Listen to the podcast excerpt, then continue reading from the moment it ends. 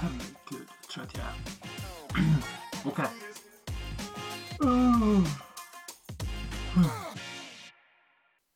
Då var det dags för den tredje episoden. Vad är jag bitter över nu då? Jo, idag handlar det om en ny trend som jag plockat upp. Ny för mig i alla fall. Det här är någonting som, jag, som har pågått länge men senaste åren har det intensifierats.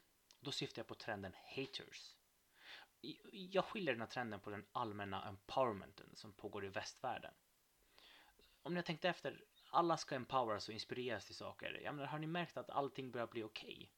Det finns inga negativa egenskaper längre. Det finns bara egenskaper som har mer eller mindre haters. Är du kort och ful? Det är okej. Okay. Låt inte någon trycka ner dig genom att säga det rakt ut till dig. Du är ju perfekt som du är. Är du tjock och skallig? Oroa dig inte, det är fine. Och om någon skulle kommentera eller få dig att känna dig tjock eller skallig så är de bara haters. Okej, okay. kort, ful, tjock och skallig är sånt som folk kanske inte har fullt ut kontroll över. Och det är kanske saker som borde, borde vara okej okay att vara, men, men folk har börjat applicera logiken på helt trasiga egenskaper. Om du inte uppskattar mig som jag är så förtjänar du inte mig. Jag menar, skämtar du med mig? Är du allvarlig? Ska vi inte fråga oss själva varför de inte uppskattar oss? Är det verkligen för att de inte ser den fantastiska personen som du tror att du är? Eller är det för att den fantastiska personen egentligen är en narcissistisk självupptagen jävla bitch? Jag vet, jag vet att det här låter som en victim blaming, men det handlar inte om det. Jag säger att vi ska ställa oss själva frågan, vad har jag gjort för att någon ska göra, säga eller tycka något om mig?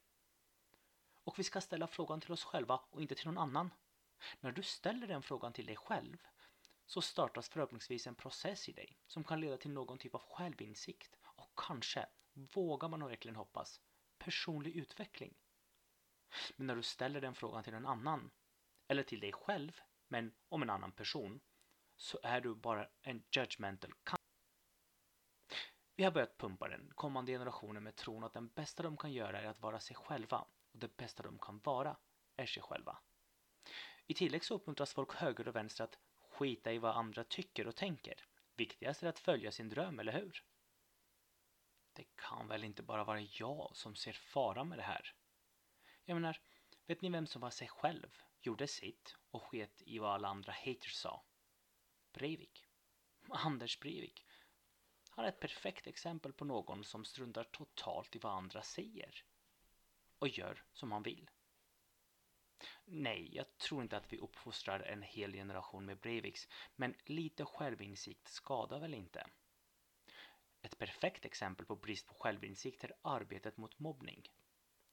Folk har inte lärt sig att hantera vanlig mobbning på väldigt länge. Jag menar, lite vanlig klassisk mobbning, du vet, sura och dryga kommentarer och uteslutning, blåses oftast upp till något så otroligt stort. Mobbning är normalt. Märk mina ord. Normalt. Inte bra, inte positivt eller önskvärt. Men normalt. Och det är normalt inte bara i sandlådan, på högstadiet eller gymnasiet. Utan på vanlig arbetsplats. Det är naturligt. Sociala spänningar mellan människor med olika värderingar, tankar och åsikter leder oftast till mobbning. Och det är för att en viss del av människor väljer att lobbya sina synpunkter till kollegor och kamrater, samlar på sig ett gäng och tar över rollen av mobbning. Nu låter det som att jag har vuxit upp i just mobbarrollen, men så är det faktiskt inte. Det är motsatsen. Jag har dock lärt mig att hantera dryga kommentarer, nedlåtande språk och klassisk utfrysning. Och gissa vad det ledde till?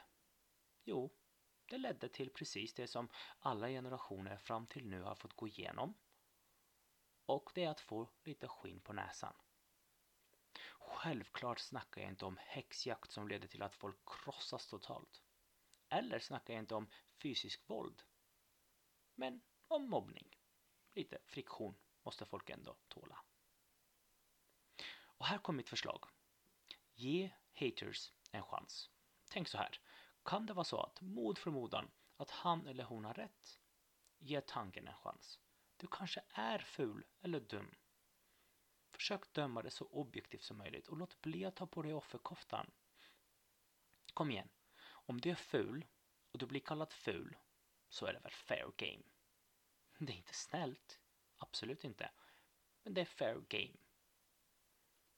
Tänk om fler gjorde det här. Om fler gav haters en chans. Ja, en hel del ful folk skulle utveckla självförakt. Och de skulle säkert uh, hänga på internet och bitcha hur jävla jobbigt det är att vara ful. Men det har vi ändå. Men vi skulle kanske hade kunnat undvika en och annan Breivik eller Trump i samhället. Istället för att försöka tysta och undvika andras negativa kommentarer och beteende. Vad sägs om att lära sig att hantera sin egen reaktion? Och fråga dig själv om du har gjort något för att förtjäna det. Med andra ord, mer självinsikt för individen, mer självinsikt för samhället, även om en och annan känslig jävel utvecklar självförakt.